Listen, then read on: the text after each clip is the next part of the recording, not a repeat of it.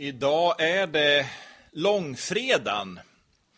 I veckan som gick så hade jag inne en fondkund på begravningsbyrån och när vederbörande skulle gå ut genom dörren så, ja, sa han, jag får väl önska dig en glad påsk. Tack, sa jag. Och så sa han efter en stunds eftertanke, ja, Eh, det är ju nästan så att det är tokigt att be eller önska glad påsk så här före långfredagen.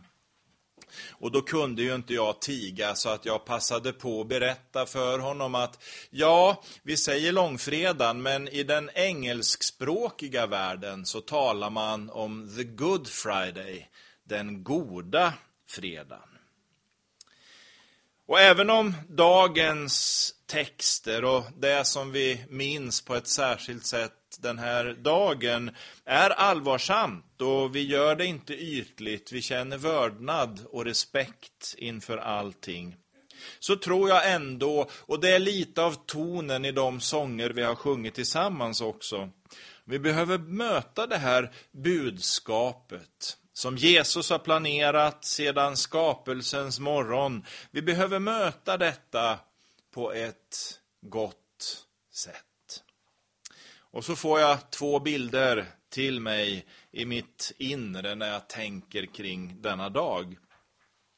För en tid sedan fick jag ett mejl, jag fick e-post av min mamma. Och eh, det var en bild på det där fotot som var bifogat. En liten, liten Daniel nyförlöst. Förmodligen bara något tiotal sekunder gammal i den här världen. Och så ser man bilden på mitt chockade ansikte när jag har lämnat tryggheten i moderlivet och bryskt hamnat i den här världen med allt vad det vill innebära. Och så förstår jag av situationen, av bilden att döma att det där har föregåtts av kamp. Det har förmodligen varit mycket spänning och dramatik och det sägs att det var en hel del smärta i det där också. Men i det ser man ändå glädjen hos den lyckliga modern. Den andra bilden som jag tänker mig det är den där skattkartan som man som ung kunde ha framför sig. En värld som var målad på ett papper med allt som fanns där. En beskrivning av omgivning och miljö. Men ögonen överfar den där kartan, för jag letar efter en plats, efter en specifik plats där den finns. Och jag vet att den är utmärkt någonstans på kartan. Och så där, där hittar jag plötsligt krysset som markerar målet och skatten. Eller, om du så vill, ett kors. När vi nu samlar våra tankar den här allvarsamma dagen och minns Jesu kamp hans lidande och inte minst den obeskrivliga smärta som han upplevde. Så får vi göra det i ljuset av hans frivillighet. När ångesten var som störst i ett trädgård valde inte Jesus den lätta vägen. Han valde inte den själviska vägen. Jesus valde frivilligt, själv, den väg som var kantad av lidande därför att han såg ditt liv. Han såg mitt liv som mer värdefullt och viktigt än alla de omständigheter som han var på väg att möta. Jesu kärlek till oss är starkare än smärtan, starkare än lidandet som all världens synd lät honom drabbas av. Vi förstår av många bibeltexter, inte minst den som Henrik läste i inledningen, att den här stunden var planerad av Gud Fader innan skapelsens morgon. Historien inleds med orden att ljuset bryter fram för att skingra mörkret den första dagen. Och så följer vi det där genom hela gamla testamentet fram till det att Jesus själv träder fram. Förutbestämt och planerat. Och därför finns det också en djup samklang i allt det som händer när Jesus tar de sista andetagen på korset. Förlåten i templet det där skynket som skilde människan ifrån den omedelbara gemenskapen med Gud rämnar uppifrån och ända ner. Vägen öppnas. Människan är förlåten och får gemenskap med Gud Fader. Därför blir också Jesus sista ord på korset de korta och kärnfulla orden. Det är fullbordat. Nu är det klart. Ingenting kan läggas till. Ingenting kan tas bort. Frälsningen är ett faktum. Det är någonting som ingen människa kan förändra. Nu är det fullbordat enligt Guds eget rådslut. Allt detta visste Jesus. Flera gånger hade han försökt förklara för sina lärjungar varför de skulle gå upp till Jerusalem, men deras ögon hade inte öppnats för denna djupa sanning. De försökte argumentera bort det som Jesus talade om, men han höll fast vid det. Och han gick med sina lärjungar upp mot Jerusalem och lidandet. Intåget i staden var triumfatoriskt. Jesus rider in i staden på den lilla åsnan. Folket ropade frälsningsropet. Hosianna, Davids son, välsignad är han som kommer i Herrens namn.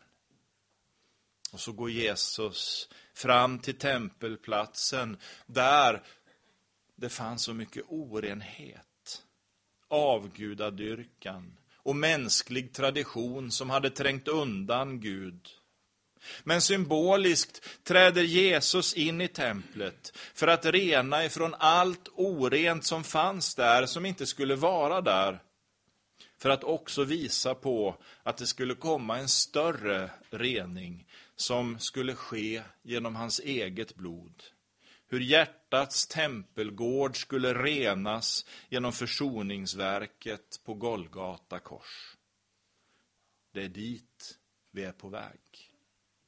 Lärjungarna förstod inte, och vi kan ha svårt att förstå, även om vi sitter med facit i hand.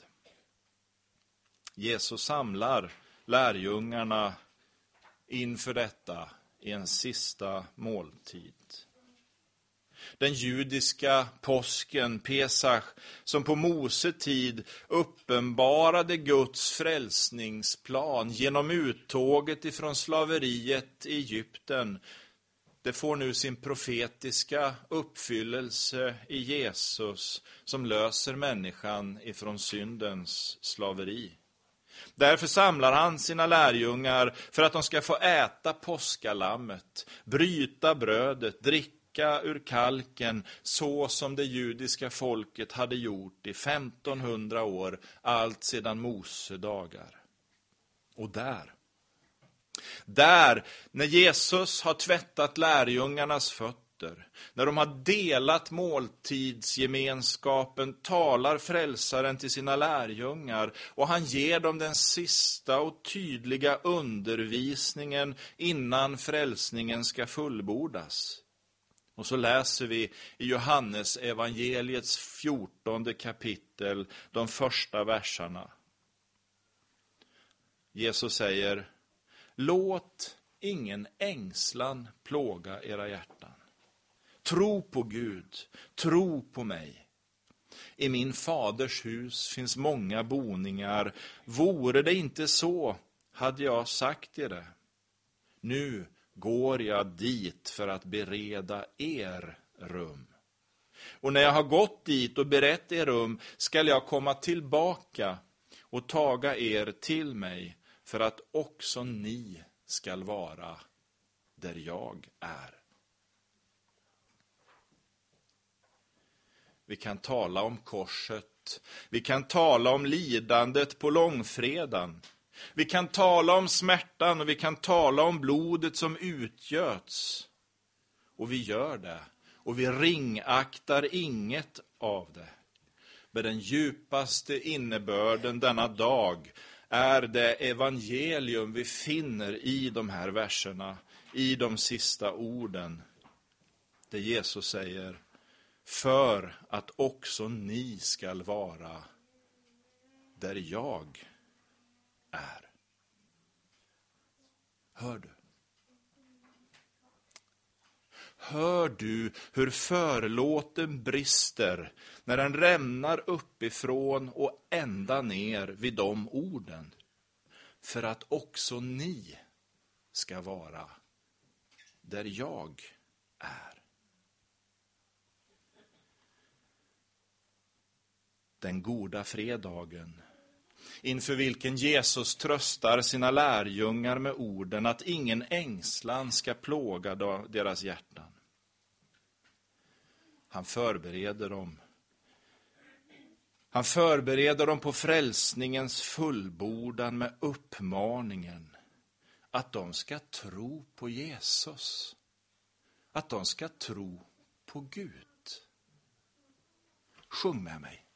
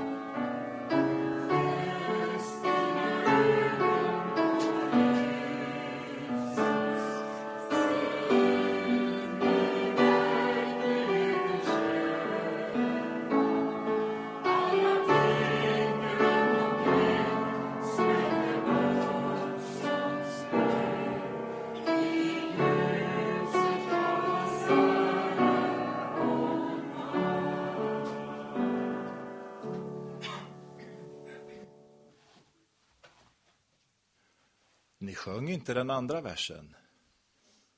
Se upp till hans kors och du ser hans triumf i den död som blir livet för oss. Låt ingen ängslan plåga era hjärtan. Tro på Gud, tro på Jesus. Se på Jesus. Det är han som är trons upphovsman och fullkomnare, säger Hebreerbrevet i det tolfte kapitlet. Och sen fortsätter Jesus att tala om varför han behöver dö på korset. För att i förväg gå och bereda rum åt den som tror på honom, åt den som vill dela hans gemenskap. Nu går jag till min faders hus, säger Jesus, för att bereda er rum. Sen kommer jag tillbaka för att hämta er, så att ni skall vara där jag är. Att korset har blivit den kristna församlingens symbol är ingen varumärkesstrategs förnuftiga beslut. Gud gav oss korset för att det markerar skatten. Korset visar oss vägen till livet och gemenskapen med Gud. Och därför är jag så oerhört glad att jag fick berätta för en fondkund att den engelskspråkiga världen förstått det här bättre än du och jag. Det handlar om den goda fredagen. För idag, denna goda fredag, får vi påminna oss om den största seger som någonsin har vunnits. Jesus seger över ondskan och syndens makt. Låt oss ära Jesus. Vi tackar dig himmelske Fader för att du gav oss din son till förlossning ifrån denna jordiska värld. Vi tackar dig Herre för att du har en plan för vår frälsning som redan är fullbordad. Förlåten har ämnat. Du har välsignat oss med den himmelska världens all andliga välsignelse i Jesus. Tack Gud för det. Och vi tackar dig Jesus för att du inte lät dig förledas eller betvingas ifrån det som du var kallad till. Din kärlek till oss är större. Tack Jesus, tack Jesus. Tack att du är med oss i väntan på den dag då du åter hämtar oss för att vi ska få vara där du är, i den himmelska evigheten. Din äran och makten från evighet till evighet. Amen.